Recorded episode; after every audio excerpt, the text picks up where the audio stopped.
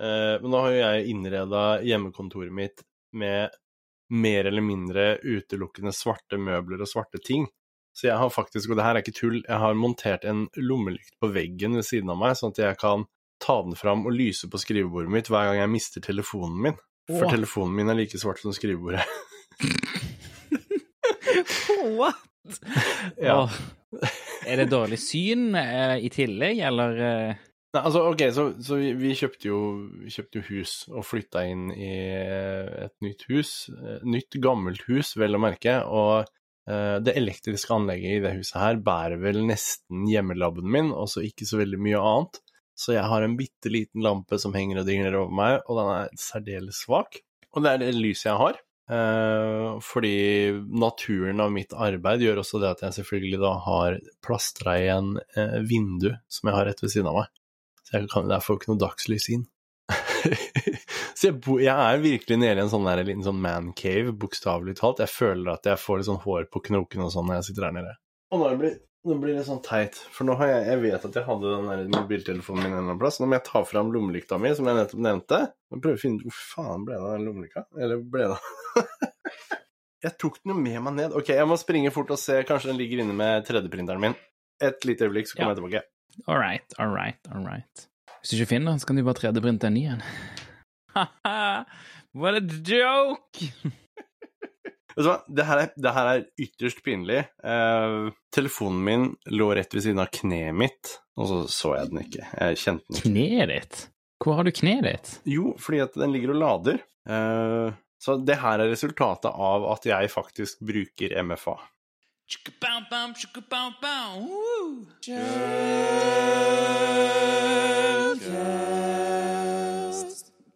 og velkommen til denne episoden av Shellcast. Dette er episode 0x16, eller den 23. episoden, om du vil. Jeg heter Vetle, jeg jobber som pentester, og du finner meg på Twitter som atbordplate. Og jeg heter René, jeg jobber med sikkerhet i staten, og du finner meg på Twitter under at Particle Void. La oss eh, gå over til War Stories, fordi at du eh, hadde en War Story om eh, noen passorddumheter og sånt noe, hvis jeg forsto det riktig? Det stemmer. Det er nå Det begynner å bli noen år siden nå hvor jeg jobba som administrator og systemutvikler eh, på en plass. Og vi hadde, vi hadde ganske, ganske mange ansatte. Og på vei til plassen min hver morgen så gikk jo jeg gjennom salgsavdelingen. Eh, og de hadde vel Altså, det er nesten som at de hadde lest hele den What not to do with your password-rådene, men misforstått meningen. Eh, for det var utallige mengder med sånne Post-It-lapper med passord på, både på skjermer og under tastaturer, eh, gjemt i pennholdere og, og sånt noe. Eh, og jeg hadde jo da begynt å få sånn for vane at hvis jeg gikk og satte meg på plassen til noen, så kunne jeg i løpet av veldig kort tid spotte hvor de hadde gjemt passordlappen sin. Eh, noe som gjorde det at jeg, eh, jeg, jeg bygde meg et litt sånn falsk rykte på det at jeg var så sabla god på å huske alle passordene til alle som jobba på, på huset. Så jeg kunne sette, jeg satt meg ned ved, ved et skrivebord, og så bare kikka jeg meg litt rundt omkring, og så i løpet av veldig kort tid så kunne jeg enten gjette meg til passordet, eller så kunne jeg bare lese passordet av noe som var veldig særdeles dårlig hjem. Eh, så, så de det var, mange, det var mange på huset der som trodde at jeg hadde sånn her, sånn kartotek av passord oppi hodet. Men sannheten var egentlig bare at de hadde helt utrolig dårlige passordrutiner. Og det var vel egentlig, var vel egentlig den lille teite war storyen som jeg hadde. Eh, eh, jeg gjorde jo litt sport i det, da. Jeg var jo litt sånn, eh, sånn eh, Skal jeg kalle det sånn hobbyterrorist på, på jobbbasis. Hobbyterrorist. jo, men jeg kunne gå opp jeg kunne, For noen ganger så gjorde jeg litt sånn sport i å huske passordene dem, spesielt hvis de var litt sånn ekstra dårlige og sånn. Uh, og da satt jeg, kunne jeg litt sånn småfreidig før folk fikk satt seg ved etter lunsj og sånn, så kunne jeg bare svinge inn og sette meg foran PC-en deres og bare logge meg inn og spørre hva var det du trengte hjelp med, til hvor jeg bare sånn eh, kunne se at de ble litt sånn lett bleke over at jeg kunne bare sette meg ned og låse opp en hvilken som helst PC. Så jeg, jeg tror som eh, sysadmin og sånn, så trenger man litt sånne triks for å skape den her illusjonen om den her udødelige systemadministratoren eller sikkerhetseksperten. For jeg tror det finnes noen form for rar sånn trygghet i det, for de som ikke skjønner hva det er vi har gjort for noe. Ja, altså, når jeg jobber helpdesk, så, eh, og andre jobber jeg har hatt, så har jeg alltid prøvd å unngå at folk skal fortelle meg passordene sine. Det er litt sånn som eh, ja, Hvis folk ringte inn på helpdesk, og så var det sånn Du, eh, jeg klarer ikke å logge inn, og så spør du typ sånn Ja, jeg husker du passordet ditt? Er det det som er problemet? Og så begynner de å si passordet, og så er det sånn Nei, nei, nei, nei, nei, nei ikke fortell! Jeg vil ikke ha passordet ditt! Please, da, ikke! Det, den kjenner jeg mer på. Så det, jeg har ikke lyst til å vite personene til folk. Altså, det er vel noe som jeg har vent meg til litt etter hvert. Jeg, jeg hadde jo en sånn eh, episode hvor eh, rett og slett jeg var over, altfor overarbeida, for jeg husker, prøvde å huske på altfor mange ting. Generelt. Nå har vi, Dere snakka om burnout i en tidligere episode som jeg ikke var med på. Det var litt synd, egentlig, for jeg har, mm. jeg har vært med på en seriøs smell. Uh, hvor jeg ble før til 30-årsdagen min så ble jeg, ble jeg, rett og slett utbrent. Det var jo, det var kjempehyggelig. Du kan jo ikke være et år over 25. La oss ikke nå gå inn på alders... der, der, begynner det å bli noen år siden jeg, jeg kryssa den grensa for 30. ah, har jeg ingen tro på, men OK, gå an. Ja, nei, men så uansett eh, Og på et eller annet tidspunkt så begynte jeg bare å skjønne det at jeg, jeg har det bedre hvis ikke jeg prøver å huske på alt. Eh, men det, ja, så, så, så, det tok litt tid. Det tok litt tid før jeg innså det at du har egentlig helt rett i, i, holdningen der. Prøve å unngå å vite hva folk har for passord og sånn. Uh, men i, i min, uh, min, ungdom, om jeg skal tørre å si det, så vil jeg definitivt si det at det var ikke noe jeg levde etter. Jeg prøvde å huske alt. IP-adresser, passord, brukernavn. Å oh, ja, ja, ja.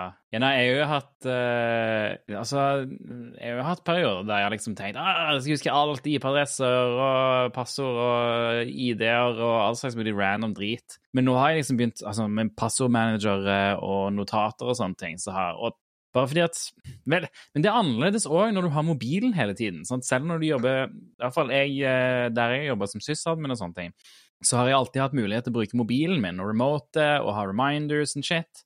Og da har man ikke trengt å huske så mye på det, i hvert fall altså, hvis du har passordmanager òg. Fordi at eh, du bare, du bare, slår det opp på telefonen, mens før, hvis du har jobba før du hadde med deg telefonen overalt, så var det òg mer nødvendig å huske på det. Så eh, det er et poeng til mobiltelefonen i, i mine øyne, da. Men sånn hos andre, på andres datamaskiner og sånne ting åh, Jeg har så jævlig lite lyst til å vite hva som er på folks datamaskiner. Jeg har ikke lyst til å vite hva slags porno de ser på, hva slags drit de lager overalt. Og så frustrerer jeg meg over hvorfor jævla, jævla uorganiserte de er. Jeg er ikke et veldig organisert menneske. Uh, så når jeg ser folk som er mindre organisert enn meg, da blir jeg litt oppgitt. Ja, jeg, jeg, kan si det sånn, at jeg har jo gjort en del uh, uh, data-gjenoppretting og sånt nå. Og er det én ting som jeg begynte å lære meg veldig fort etter at jeg eh, begynte å ta imot litt sånn henvendelser fra venner og bekjente sånn som ønska at jeg hjalp dem å, å, hente data som har blitt mista, eller blitt ødelagt på en harddisk og sånn, så begynte jeg å venne meg til å skru av den thumbnail-funksjonen. Mm. Jeg, jeg har hatt et par litt sånne pinlige øyeblikk eh, hvor jeg har fått se eh, kroppsdeler av venner og bekjente som jeg egentlig fint kunne ha unngått å se. ja. Så det er ikke nå skal ikke jeg, jeg håper ikke det er noen av de jeg kjenner som jeg har gjort noe data recovery for, som sitter og hører på det her nå, for det er litt pinlig. Det er noen av dere der ute da som har blitt ramma av det her. Uff ja, I det minste så er jeg høflig om det. Altså hvis jeg, har opplevd, hvis jeg har opplevd sånne ting, så har jeg jo vært jæklig rask på å trykke den der knappen. For jeg er helt enig med deg. Det er noen ting du ikke trenger å ha i hodet ditt. Eh, og det er stort sett eh, andres intime liv. Altså intim informasjon, om jeg skal si det sånn. Ja, ja, ja. ja. Og, og så prøver man å late som man ikke har sett det. sant? Og så litt sånn at de som ser på, skal tenke sånn ah, kanskje han ikke så det. det var...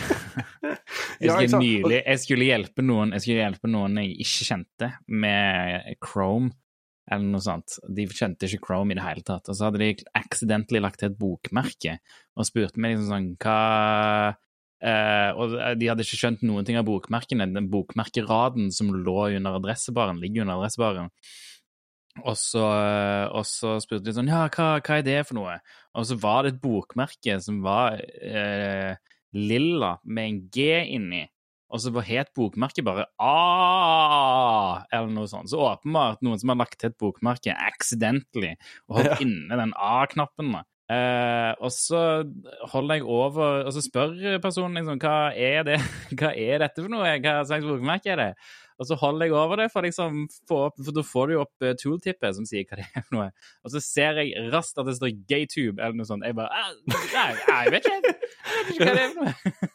Jeg skal, jeg skal helt ærlig nå, for jeg ble nysgjerrig når du sa lilla med G, og så tenkte jeg hva er det for en tjeneste? For det Ja, og, og, og, og vi kan flire litt av det, men det er jo, en sånn, det er jo en sånn, et sånn personlig nivå som man mener så, altså, I hvert fall jeg mener at man burde få lov til å eh, ha noen ting som er privat, og uavhengig av hvor morsomt det er for de som da opplever å, å snuble over disse tingene der, eller ikke. Det, I noen tilfeller så kan det jo være ikke, ikke like humoristisk som det du opplevde, da, om man skal si det sånn. Det, jeg, har, jeg har fortsatt ikke eh, oppdaget noe ulovlig på andres maskiner, eh, og det er jeg for så vidt veldig glad for. Ja, det, med tanke på det at jeg i hovedsak har hjulpet venner og bekjente og sånt nå, så er jeg også med hånda på hjertet veldig takknemlig for at jeg da ikke har sett noe som har vært ulovlig, eh, heller bare litt pinlig for den som var berørt. Ja. Men det er liksom noe helt annet igjen, da. Å, ja, ja, ja. Nei, jeg skulle bare si eh, Hvis det er noen som har en war story de har lyst til at eh, vi skal fortelle, og at vi kan fortelle den anonymt, så vi kan fortelle den i en helhet Du kan skrive en lang essay til oss hvis du vil det. Vi skal lese det opp, det er sikkert gøy.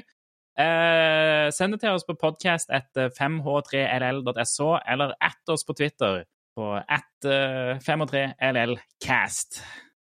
Eh, ja, nei eh, så det kom ut en ny, uh, ny cybersecurity-podkast i uh, januar, midten av januar, med, eh, som heter Cybersecurity med Olav og Karim på casto3.no. Så jeg ville bare snakke kort om den, egentlig. Jeg forstår det sånn at Du har hørt litt på den. Jeg har hørt på de to siste episodene. Jo, nei, eh, som sagt, jeg har jo da hørt eh, litt på, på podkasten, og jeg syns det var eh, Det var veldig interessant.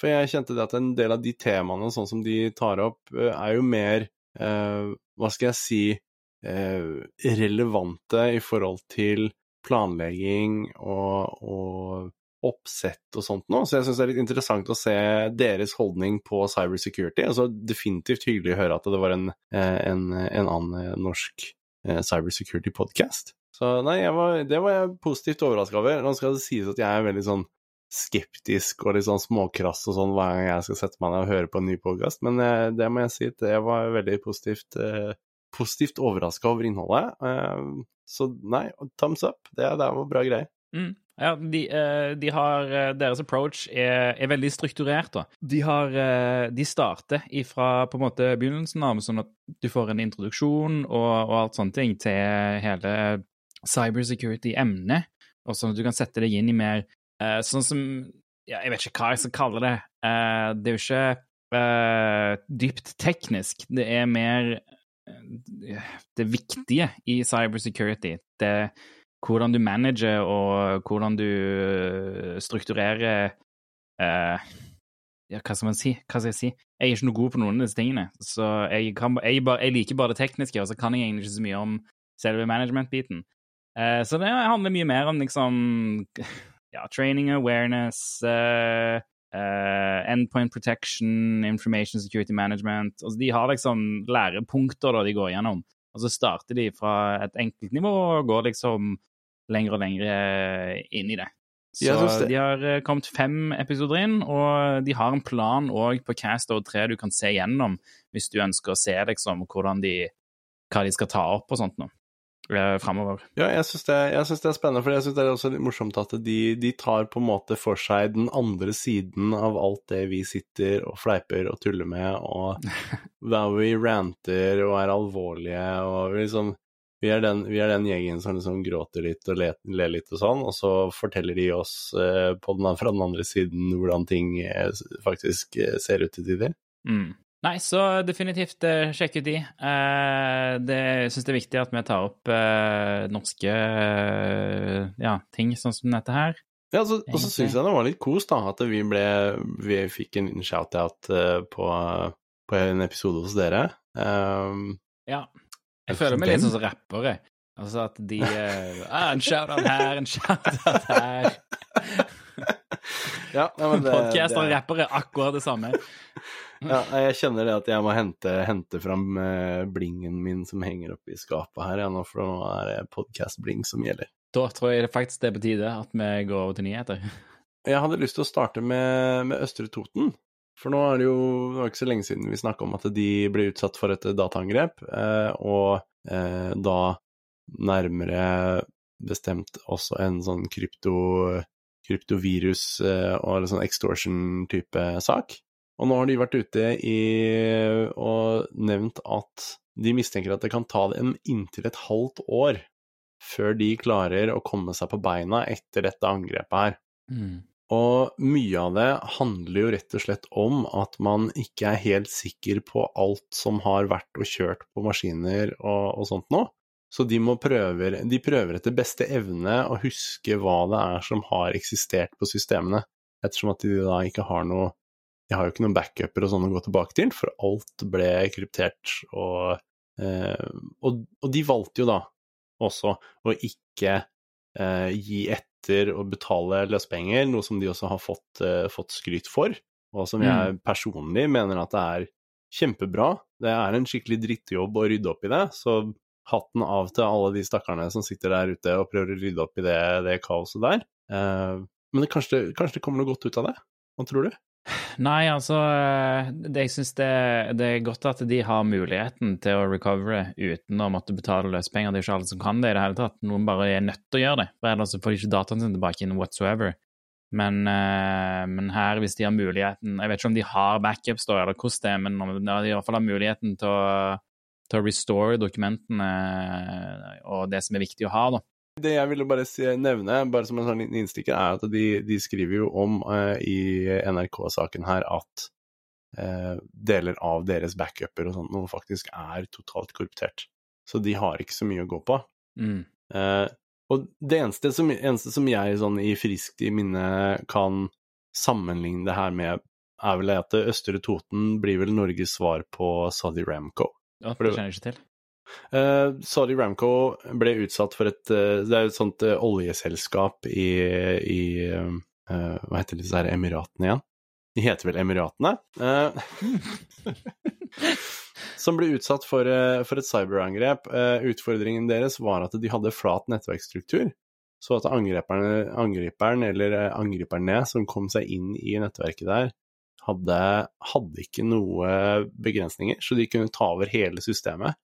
Og de slo rett og slett ut eh, store deler av konsernet, med unntak av en liten gruppe som satt i Canada eller USA eller noe sånt, som var litt sånn lett segregert bare på grunn av eh, fysiske okay, boundaries. Ja, ikke sant. Og der måtte de da gå inn, eh, og så måtte de rydde opp i alt. De måtte skru av alt, bytte ut alt, og starte helt ny infrastruktur. Så det fins en sånn Darknet Diaries-episode på det, men jeg husker ikke jeg hvilken episode det er. Men eh, Mm, ja. ja. Det er en veldig interessant eh, greie, og det var litt derfor jeg sier at kanskje det kommer noe godt ut av det. Eh, For nå har de faktisk muligheten til å gjøre ting riktig eh, fra starten av. Ja. Ja, men det er litt det man sier. Hvis du ikke, eh, hvis du ikke verifier at eh, backupen din funker, så har du ikke egentlig en backup. Ja, og så snakker de nå om også at de, de tar opp én og én tjeneste, og så sørger for at de, at de fungerer eh, så godt som mulig da underveis. Så Mm. forhåpentligvis så er Østre Toten bedre rusta når de endelig da er ferdig med å få ting på plass igjen i løpet av den tiden som det tar. Jeg synes også det er interessant det, det de skriver på slutten av artikkelen. Det det ordføreren sier da. Han sier eh, hvis en kommune må velge mellom to sykepleierstillinger og økt datasikkerhet, hva velger man da? Nå ser vi at det kan være lurt å velge datasikkerhet, konkluderer han med. Men jeg, eh, jeg må si, altså Jeg syns ikke det er en riktig eh, sammenligning å ta to sykepleierstillinger eller økt datasikkerhet. Det er nok eh, helt sikkert et eller annet annet du kan velge bort, bort uten at jeg kjenner til kommunebudsjettering så godt, da. Jo, men, men jeg, på et eller annet vis syns jeg den der kommentaren der også litt sånn bekrefter det vi har snakka om tusen ganger, at man innser ikke alvoret i behovet for datasikkerhet før før du har blitt slått i, i trynet og tråkka på og driti ut og det ene og det andre. Det er noen ting som har gått skikkelig skeis. Det ser ut som de fleste underbudsjetterer på datasikkerhet. Og, og, det er nå de innser det, da. Dette er saken som gjør at mange kommuner nok innser at de òg har underbudsjettert på IT-sikkerhet, datasikkerhet, kybersikkerhet, om man vil. Nei, det vil vi ikke. Det vil vi ikke. Martin sier av og til kybersikkerhet. Jeg syns det er ja, kjempegøy. Martin, ikke si kybersikkerhet. Det er ikke innafor. uh, uh, all right, skal vi gå videre til neste nyhetssak? Yes. Så i, uh, i uh, Pinellas County i Florida så oppdaget de at uh, en såkalt hacker hadde prøvd å forgifte drikkevannet deres. da. fordi at de har hatt selvfølgelig en sånn uh, kontrollpanel for uh, dette drikkevannfiltreringsgreiene uh, ute på internett, somehow. Og så har noen logga seg på dit og prøvd å endre Nå skal jeg prøve å fortelle om noe som jeg ikke kan her, men har prøvd å endre Hen har prøvd å endre sodium hydroxide-andelen i vannet fra en hundredels per million et eller annet til 11 eh, 100 deler per million. Uten at jeg eh, vet om det Uten at jeg vet nøyaktig hva det betyr, da. Men det gjør at det, det er farlig mye, og eh, det jeg kjenner jeg er på dypt vann her, skal å si. Altså, ok, så, så i, i, utgangspunktet, det som har skjedd her, er det at det er da en eller annen som har fått uh, tilgang til uh, pumpesystemet og filtersystemet til et vannverk. Uh, og nå vet ikke jeg hvor mye sånne skalasystemer som du har kikka på opp gjennom åra, men uh, kanskje ikke så mange i forhold, i forhold til uttalelsen da, men uh, Jeg har sett de på uh, Jeg ja. har sett de på Showdown.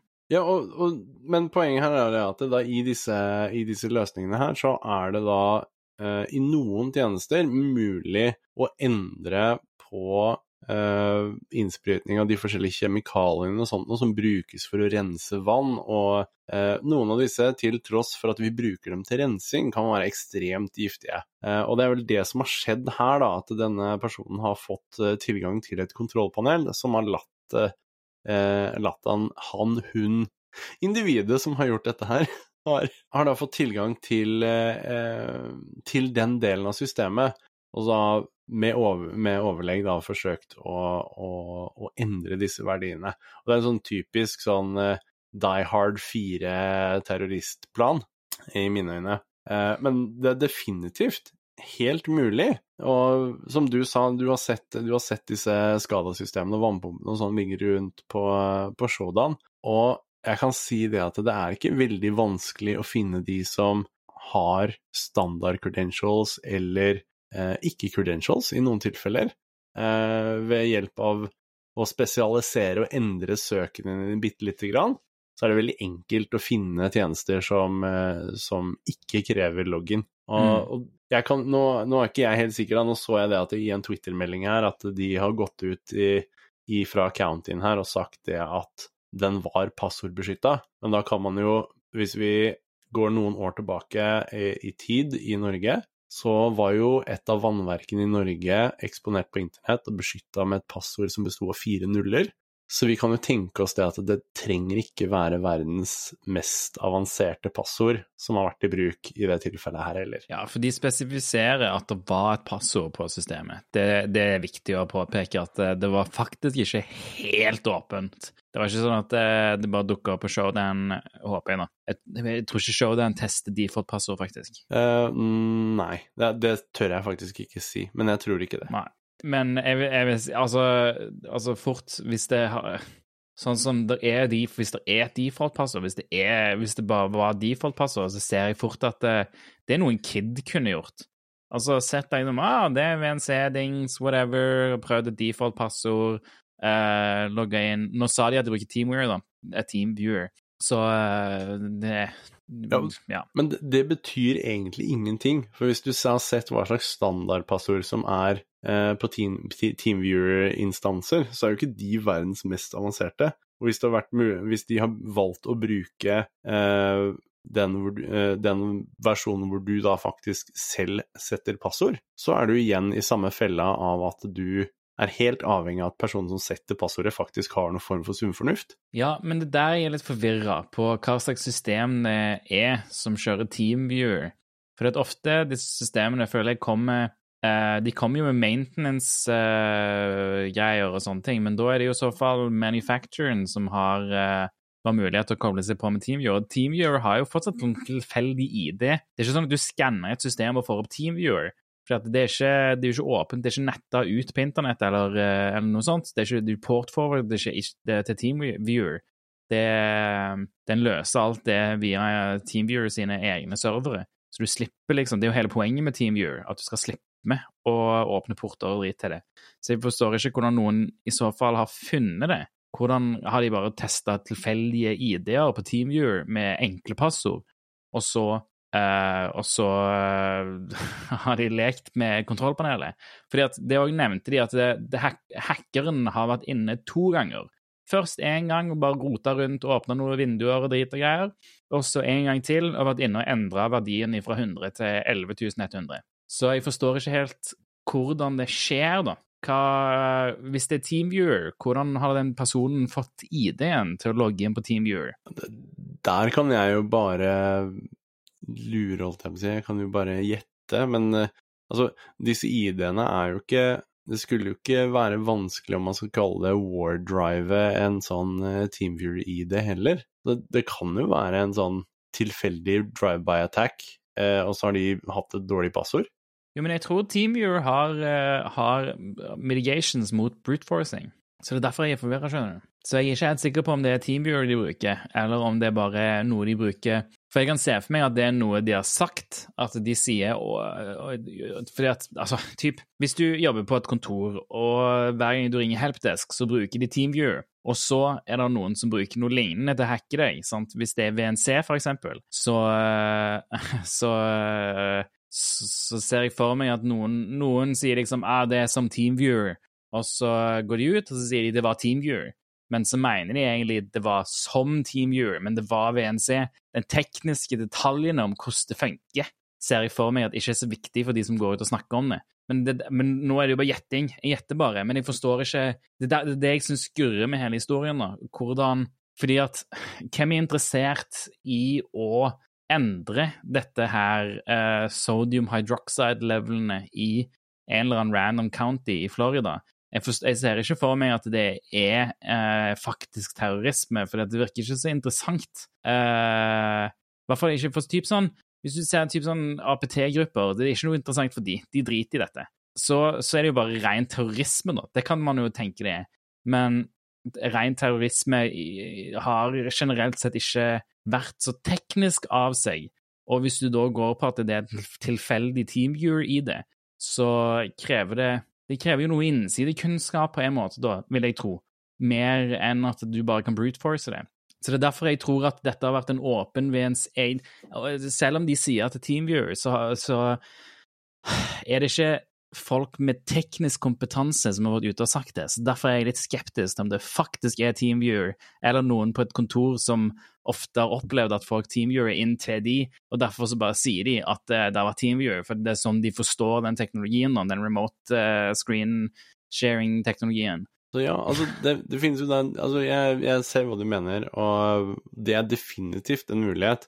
Uh, mitt første min, altså, min, første tanke da når jeg leste dette, her var jo egentlig at som du sier, at dette her var en åpen VNC-instans. Eh, for hvis du tar en rask kikk eh, på, på Shodan eller en Sensus eller et eller annet sånt noe, så, så skal, tar det ikke veldig lang tid før du finner helt åpne eh, VNC. Eh, servere uten behov for login eller noe som helst. Eh, men jeg Mm. leser en eh, artikkel her mens vi sitter og snakker om det, som eh, kom ut for eh, ja, litt mer enn et år siden. Nei, to år siden er det nå, for nå sitter vi i 2021. Eh, og der er det faktisk snakk om malware som bevisst prøver å stjele TeamViewer-informasjon. Så Mm. det er jo ikke uhørt at eventuelt eh, dette her er noen som da har tilgang til noe sånt nå, som kan ha, kan ha brukt eh, malware også for å snappe opp, eh, snappe opp da eh, TeamViewer- TeamViewer-instanser. Men igjen så er det jo da spørsmålet hvem er det som er interessert i å gjøre det, og hvorfor, og det tror jeg vel egentlig vi ikke kan få et ordentlig svar på før de eventuelt eh, går ut med en, med en eh, presse, pressemelding på det, tror jeg. Ja, for det, det Jeg synes jo dette ser ut som MO-et til en kid som har randomly funnet, uh, funnet dette på Showdown. Hvis, hvis, hvis dette hadde vært åpent, så ser jeg for meg at dette er kids Bare finner du randomly på Showdown. Uh, de har først vært inne, trykka på random ting, og så har de logga ut, og så har en annen Så har det vært to stykker, typ, da. Og så har en annen vært sånn jeg darer deg til å uh, endre noe der inne. Og så har en annen kid gått og endra det. Men så er det passord, da, så jeg, jeg vet ikke. Men, men jeg òg reagerer på at eh, en journalist spurte regner dere dette som bioterrorisme, og de har sagt uh, de, har, de har ikke sagt ja eller nei på det ennå, men, men at de ikke bare sa ja på det, fordi det er så åpenbart at det, det, det kan jo regnes som det. Så, så tror jeg, de, jeg tror gjerne de vet noe de ikke forteller, eller et eller annet. Det er jo bioterrorisme, basically. Jo, altså, jeg vil vel definitivt eh, kalle, det, kalle det for det. Og så er jo spørsmålet da eh, Det som definerer hvorvidt dette her er bioterrorisme eller ikke, er jo eh, om det er gjort med, med overle overlege, eller om det er liksom eh, en tilfeldig handling. Mm. Det er vel det som er den store forskjellen mellom, eh, skal vi kalle det for biohærverk eh, og bioterrorisme. ja. Hærverk som kan drepe en hel haug med folk, ja. ja. Og eh, jeg klarer jo ikke å la være, ikke sant. Når vi begynner å snakke om disse tingene her, så blir jo jeg helt sånn Nå må jeg finne ut av dette her. Eh, så tar jeg et raskt kikk inn på Showdown, og du kan faktisk finne TeamViewer-servere her, men nå skal ikke jeg gå altfor langt inn i, inn i detaljer her. Men det, det kan se ut som at det er mulig å, å snappe opp eh, TeamViewer-servere fra, fra Showdown. Så da er jo spørsmålet litt åpent. Så om det er noen der ute som sitter og hører på oss, og som tenker at å herregud, nå holder de på igjen med et eller annet som ikke de vet noen ting om, her har jeg masse innsikt og masse innspill og ting som jeg har lyst til å komme med, send oss en mail, da vel. Send oss en mail. All right. Over til andre barnslige ting. Eh, eller andre barnslige hackere, skal man si. Eh, alle hackere er vel barnslige, kan man ikke si det? CDPR, de som har lagd The Witcher 3 og uh, Cyberpunk 2077, har blitt hacka av eh, en, en kjent gruppe som jeg har glemt navnet på, og har blitt ja, pressa for penger, da. Eller så lekker de koden til Cyberpunk 2077, Witcher 3 og Gwent. Og i en unreleased versjon av Witcher 3, tydeligvis. Eh, og en haug med andre dokumenter. Uh, HR, legal, uh, administrering, eh, accounting, whatever. Eh, så de var eh, Ja, CDPR har valgt, eller CD Project Red har valgt å ikke betale noe her, og de valgte å gå ut eh, med eh, med om at de hadde blitt hacka med en gang, basically, ser det ut som. Så, så det er jo interessant. Har du tenkt å skaffe deg kildekoden til Cyberpunk eh, 2077, René? Jeg, jeg stoler ikke på å ta imot uh, kildekode fra folk som ikke jeg vet hvem er, uh, og definitivt ikke fra hackergrupper som lover meg at jeg skal få lov til å spille et spill som jeg har lyst på. Eh, den feilen der tror jeg har slutta å gjøre i tidlig, tidlig 2000. At du slutta å gjøre det sist du lasta ned en crack som viste seg å være et virus? Ja, altså og, og det kan jeg vel si med hånda på hjertet at det har jeg helt garantert gjort på et eller annet tidspunkt. Men det, det er nok ganske mange år siden jeg slutta å laste ned cracker og gjøre den type ting. Ja, nei, det blir jo det, det blir jo det etter man har blitt voksen og har penger og til å kjøpe spill. Det finnes jo ingen garanti for at de ikke klemmer inn et eller annet med mygel for å lure alle fjortisene der ute som har lyst til å spille Cyberpunk eh, eh, gratis. Eller eh, å få en sånn eksentrisk versjon av Witcher 3 som aldri ble lansert. Så, men på, i forhold til den uh, artikkelen her, så var det jo veldig spennende da å se det at uh, nå har jo etter deres uttalelser om at de ikke var interessert i å, å booke under for dette her, så har jo faktisk de fått dumpa alle dataene sine. VX Underground forteller om at uh, VX Underground på Twitter forteller, viser bilder òg av et prosjekt, faktisk. Jeg tror det er Gwent.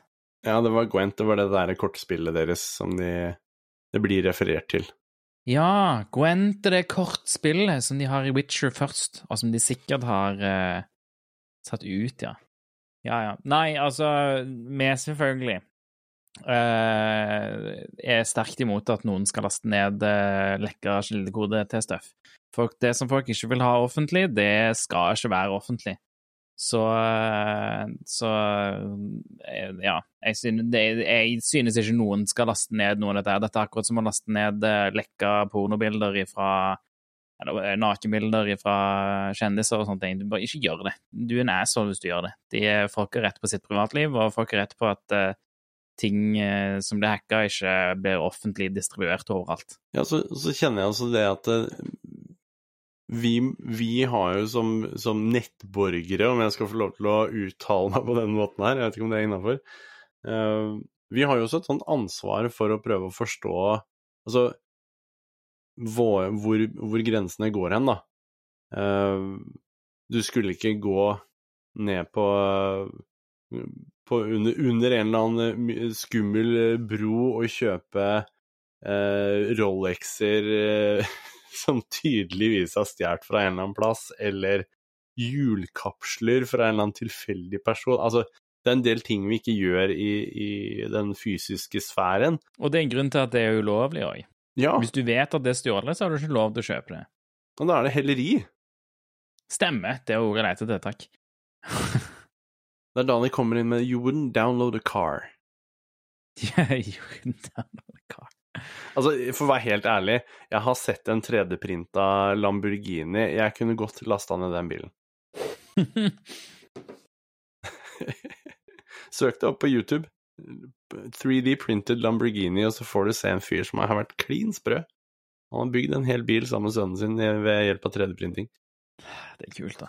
Yes.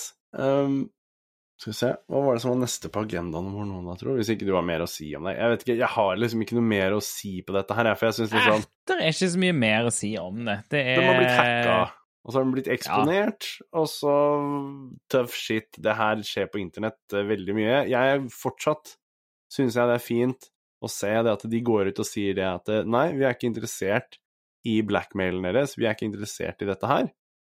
Uh, for det er den eneste måten man kan stoppe at det er lukrativt, er å slutte å betale. Slutte å liksom bukke under for disse truslene.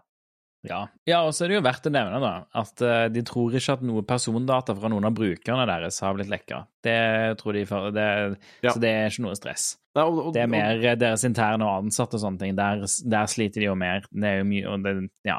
ja jeg, jeg synes også, I saken her så står det jo det at de, de uh, de kan ikke se det som sannsynlig at uh, brukerdata er kommet på avveie, men at de tar mm. kontakt med uh, leverandører og eventuelt de som internt skulle kunne være ramma av det.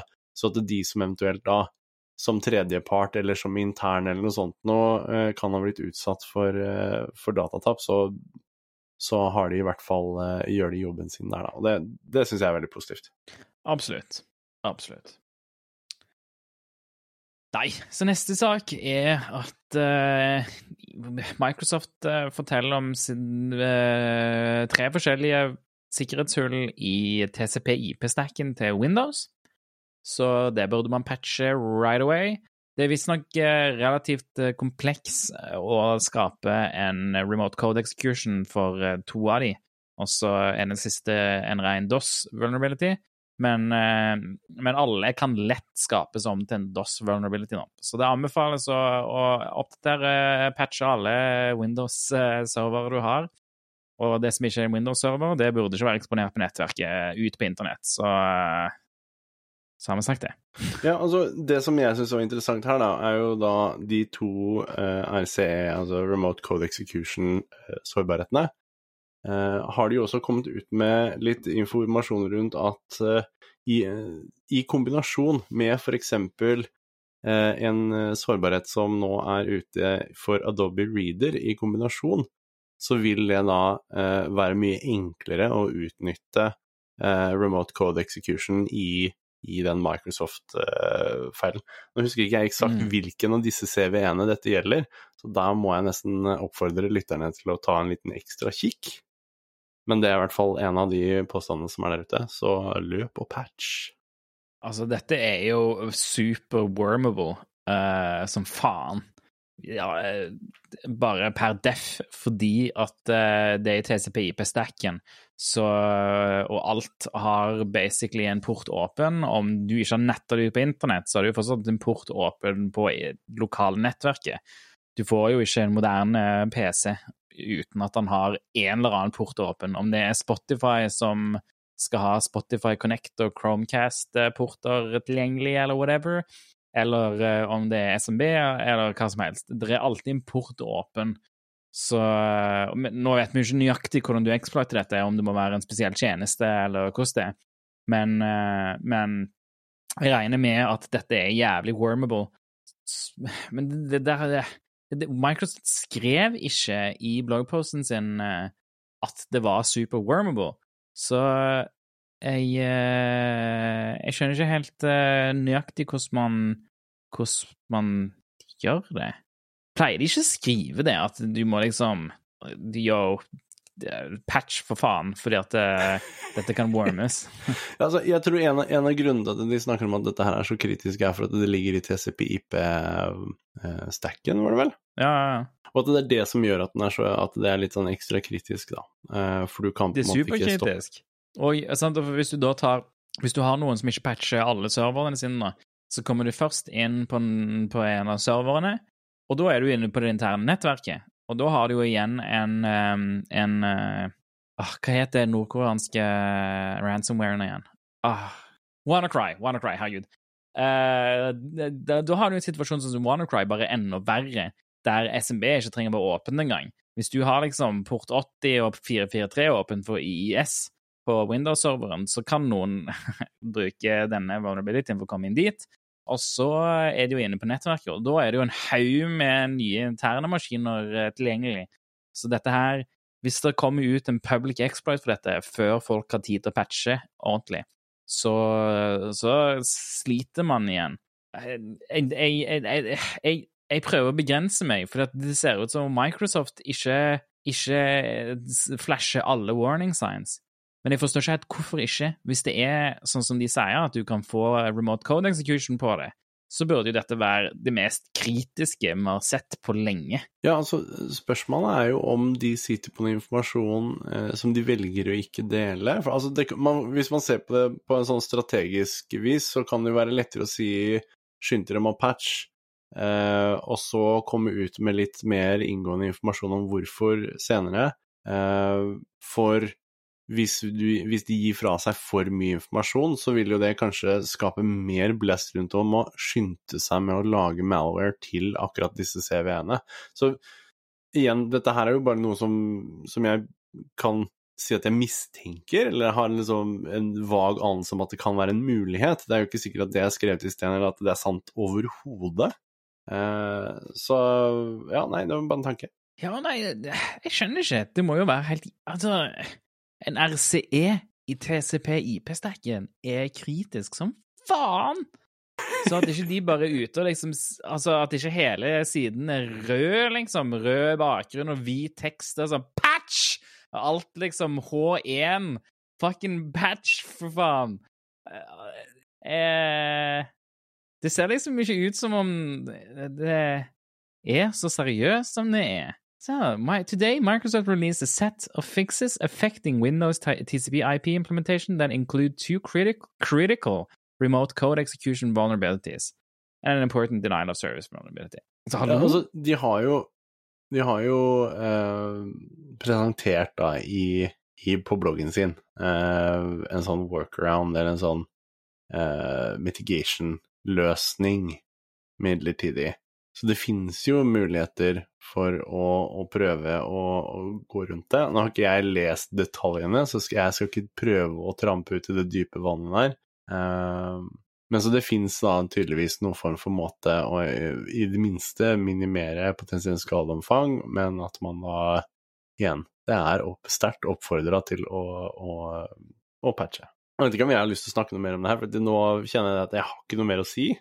Gå patch, det her er Jeg har ikke detaljene som jeg føler er nødvendig for å kunne gå videre. Nei, nei, det er, men det er ikke så mye info. Det er IP4-workrounden uh, requires further hardening against the use of source routing, which is disallowed in Windows default state. Så jeg uh, Jeg vet ikke hva det er. Hvis det er allerede disallowed, I don't know. I don't know, I don't know, I don't know.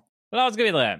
yes. jeg, nå vet jeg, jeg har, jeg har en nyhet som, som, jeg har lyst til å bare nevne, siden vi snakker om operativsystemer og sånn. Eh, det ble meldt nå nylig at eh, MacOS eh, har også vært ramma av denne her sudosårbarheten som ble nevnt for var det forrige uke eller eh, for 14 dager siden. Jo. Så MacOS, det var jo en sånn Man var mistenkte at det skulle kunne ramme flere Unix-varianter, og MacOS har vært ute og sagt at jo, dette kan de bekrefte. Dette her var jo noe som lå i sudo-edit. Mm. Um, og det var kanskje sist jeg var med at vi snakka om det. Nå har MacOS ja, MacOS har nå patcha eh, dette. Så også på MacOS er det viktig nå å få sørge for å få med seg oppdateringer og sånt nå. Eh, sånn at vi da kan tette noen av disse hullene, da. Så både Mac-brukere og Windows server-eiere og brukere og sånn nå burde bare sitte i gang og patche. Alle burde patche. Jo, men det, er sånn som jeg sier, det var sånn som jeg sa forrige gang òg, at uh, Fordi at Mac, Mac, OS har ikke hatt sudo-edit-programmet på seg, sant. Så, det, så derfor har vel folk tenkt at ah, Mac OS er ikke ramma av det, fordi at den har ikke hatt sudo-edit. Men det er sånn som jeg sa òg når vi snakker om dette, at eh, det er ikke mitigation å bare fjerne sudo-edit. For at du kan bare sumlinke til sudo med navnet sudo-edit og kjøre den sumlinken, så, så, skaper du feilen. Og fordi at MacOS òg deler samme kildekode til sudo, så, eh, så, får man den Du får nøyaktig samme feil der òg. Det er bare til å sumlinke til sudo-edit på, eller til sudo med navn sudo-edit på MacOS, og så har du den samme feilen der òg. Jeg, eh, jeg hadde jo håpet på en måte at uh, det ikke ramma MacOS fordi at uh, andre codepaths and shit, men, uh, men too bad. ja, nei, sånn var det da altså ikke. Oi, sorry. Sånn var det altså ikke. så var det siste saken.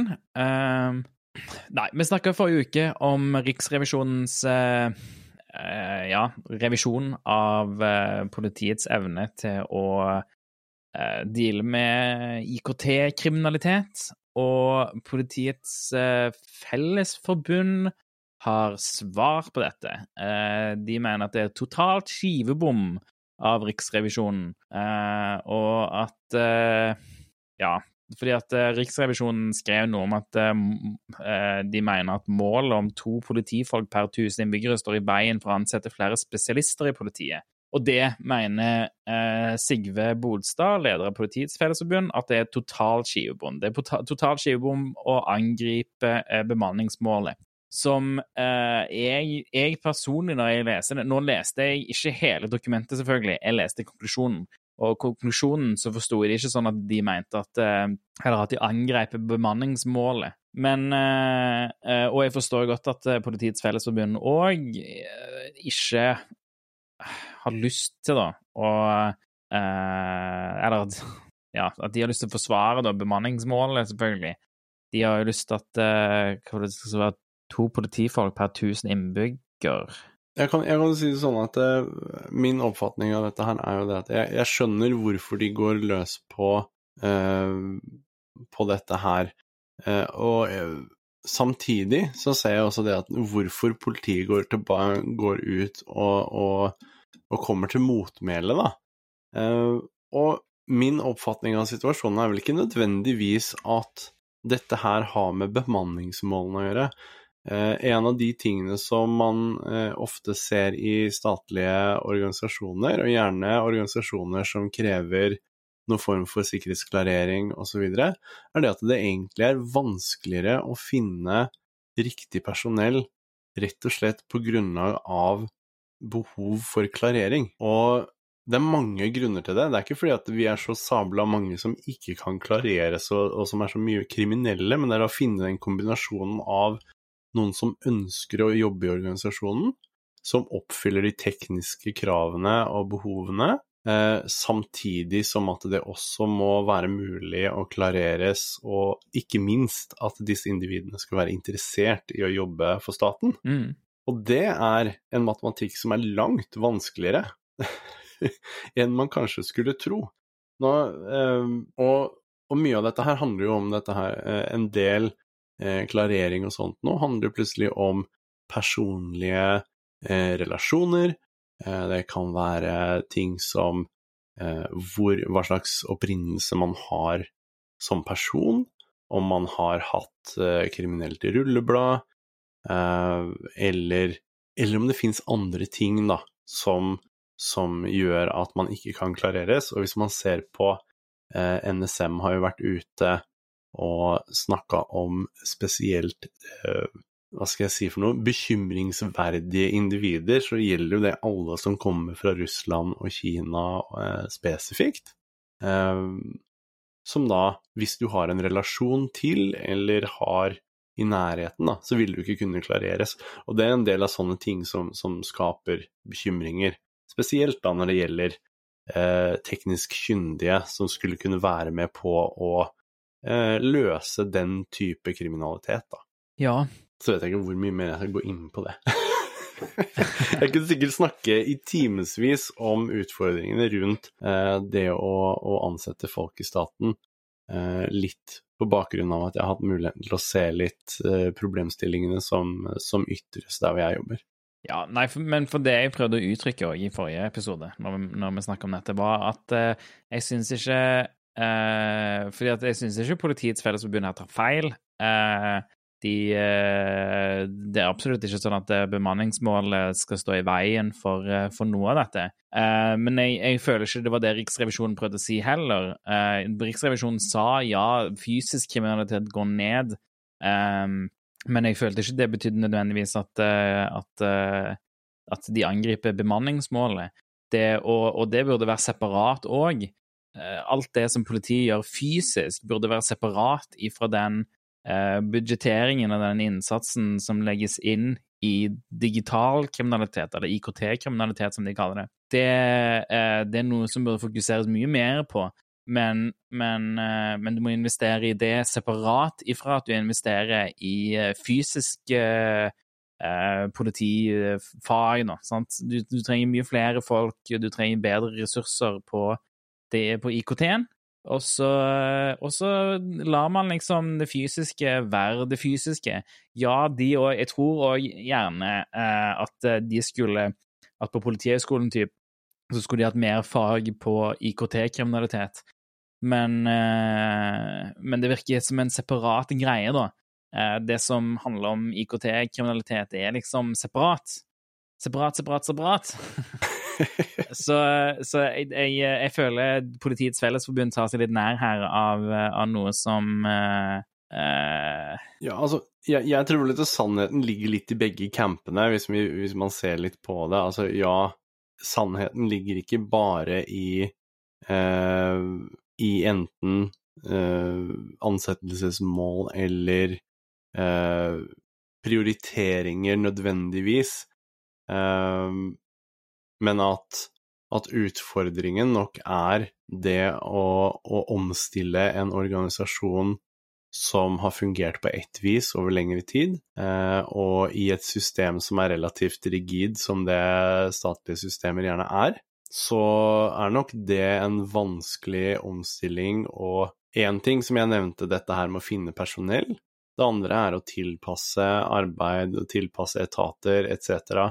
Eh, for å, å, operere etter et, et, eh, flytende behov. For det må man jo kunne påstå at, eh, at cyberkriminalitet definitivt er. Det er jo nye måter å gjøre ting, ting, på, ting som endrer seg kontinuerlig, og at det, det kan være vanskelig i en rigid struktur å tilpasse seg veldig flytende. Nå vet jeg at det er jo en del ting som har skjedd på norsk cyberfront de, de siste fem-ti årene, så, så, på sikt, forhåpentligvis, vil dette her endre seg ganske mye. Uh, men jeg tror også at det vi, det vi ser, og som, som, Riksrevisjonen går ut og snakker om, er uh, et av symptomene som, som, uh, som, er etter den gamle skolen, om vi skal si det sånn. Mm, absolutt. Det fins veldig mye dyktige eh, politifolk der ute som jobber kjempehardt med cyberkriminalitet, og jeg syns de skal stå på som bare juling.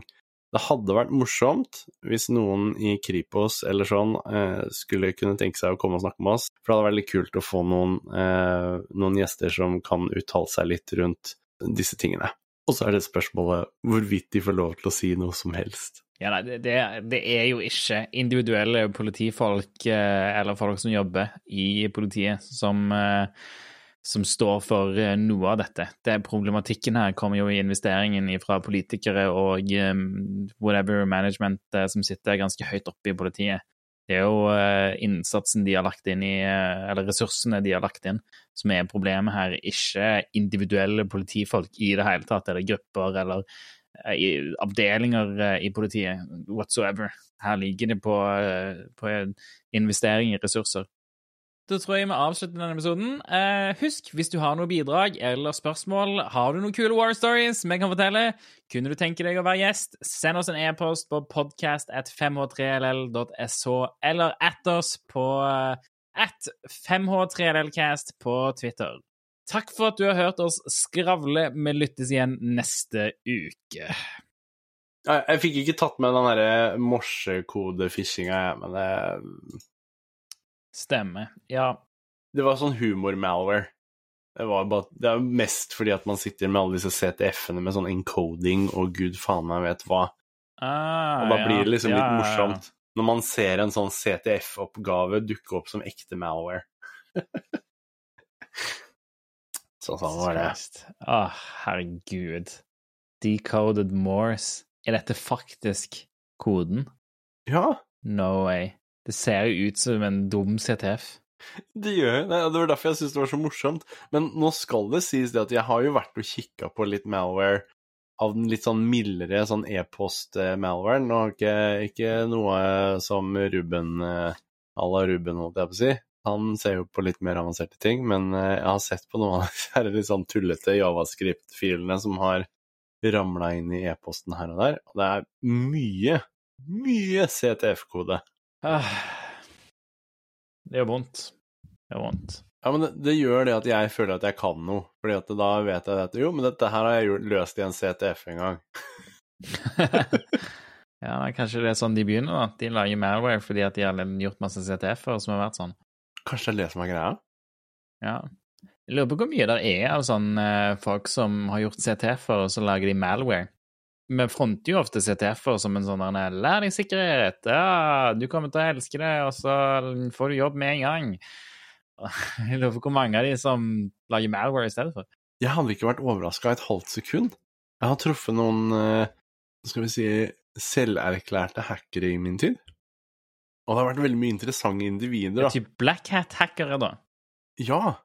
Ja. Altså jeg, jeg, mener, altså jeg, mener, folk som anser seg selv som hackere, altså som ikke, ikke pentestere eller sikkerhetsentusiaster eller datasnoker eller hva vi skal kalle det for noe, men folk som anser seg selv som faktiske hackere, og som lever ut hele det der hacker-eposet, da. Og det har vært interessant. Det har vært veldig, veldig interessant. Uh, for det er en helt annen holdning. Det er en sånn derre digital anarkist-holdning som er veldig yeah. annerledes. Og jeg er ikke overraska i det hele tatt hvis de setter seg ned, og så ser de en eller annen sånn hack the box-utfordring, og så tenker de åh, det her skal jeg lage malware av. Jeg er ikke overraska i det hele tatt. Jeg tror ikke de skjønner at uh, det er faktisk mer interessant å jobbe innenfor datasikkerhet og pentesting og red teaming enn det er å gjøre sånne drit som sånn det der. jo, det er, det er jo helt, helt innafor. Altså, jeg er helt enig. Uh, jeg opplever mesteparten av jobben min som uh, sånn research lab. Så Nei, jeg vet ikke. Nei, men Ja, ja, nei, det ble jo det. Men, nei, men jeg, må, jeg, må, si det er interessant, da. For det, det, var jo, det var jo i den her perioden hvor jeg drev og studerte, hvor jeg hadde lyst til å lære, og jeg var nysgjerrig, ikke sant. Jeg var Skal man si ung og dum? Vi sier ung og dum. hvor jeg introduserte meg selv til en del miljøer, da, og plutselig dukka disse her stereotypiske hackerne som jeg hadde sett for meg at skulle eksistere, de plutselig dukka opp, da folk som plutselig tok over eh, leiligheter som ingen bodde i, og kobla om strøm og for å sette opp wifi access-punkter og sånne sære ting. Og så har de liksom satt og hacka naboen sin wifi bare for å få kunne nettverkstilgang og sånn. Det, altså det, det, er jo helt eksentrisk. Men disse folkene fins der ute, da, og det, er kjempespennende. Sånn på et sånt kulturelt plan. For de tenker ja. definitivt ikke på samme måte som en pentester gjør. I mange tilfeller, da. Jeg, nå skal ikke jeg peke noen fingre, altså. Blir jeg hacka sønder og sammen fordi jeg har vært svær i kjeften? Men Skal jeg ikke si noe om, om Men folk som har en sånn anarkitankegang, er gjerne ikke den smarteste kniven i skuffen i utgangspunktet, hvis det er lov å si. Og jeg skulle ønske at jeg kunne si at du hadde helt rett i det. Ofte, ofte, ikke alltid. Hvis, skal, hvis, hvis dette skal ut med podkast. jeg har nok truffet et par av de som er særdeles skarpe, men som kanskje valgte å bruke intelligensen sin i feil retning. Om det er lov å si? Ja. Er det innover? ja, det er lov å si. Det er lov å si. Men det er litt sånn, sånn nei, det er litt barnslig. Anarki, total anarki og en sånn der en, en sånn der Watchdogs 2 uh, uh, anarkiholdning til data Uh, hvis uh, Ja, hvis noen har spilt Watchdogs 2 og skjønner hva jeg mener. Uh, der, det er en veldig barnslig holdning. Det er en Mr. Robot. Ja Ja Ja, nei. Mr. Robot er en mer gjennomtenkt greie, da. Men de har noen folk i Watchdogs 2-spillet som bare er super sånn anarki Data-anarki-greier som er bare ah, det, bare, det er naivt og barnslig, og det, det er sånne folk jeg, jeg, ser for meg. Sånne som eh, lager morsekode malware og tror at eh, det hjelper noe. men, på et eller annet nivå så altså, Jeg vet ikke. Det kan være fordi jeg syns at eh, atferdspsykologi og eh, sosiologiske inndelinger og sånt nå er litt interessant, for at det, finnes noen eh, unike trekk ved spesielle sosiale grupper, og da syns jeg det var veldig morsomt å å oppleve det å treffe eh, liksom sånne skikkelig stereotypiske black hat-hackere, da. Det var, det, var, det var, en spesiell opplevelse. Eh, noe som var morsomt litt fordi at jeg ikke visste at de var det. Jeg trodde de var litt sånne digitale frikere i utgangspunktet, og så viste seg det at nei, dette her var jo totalt digitalt anarki.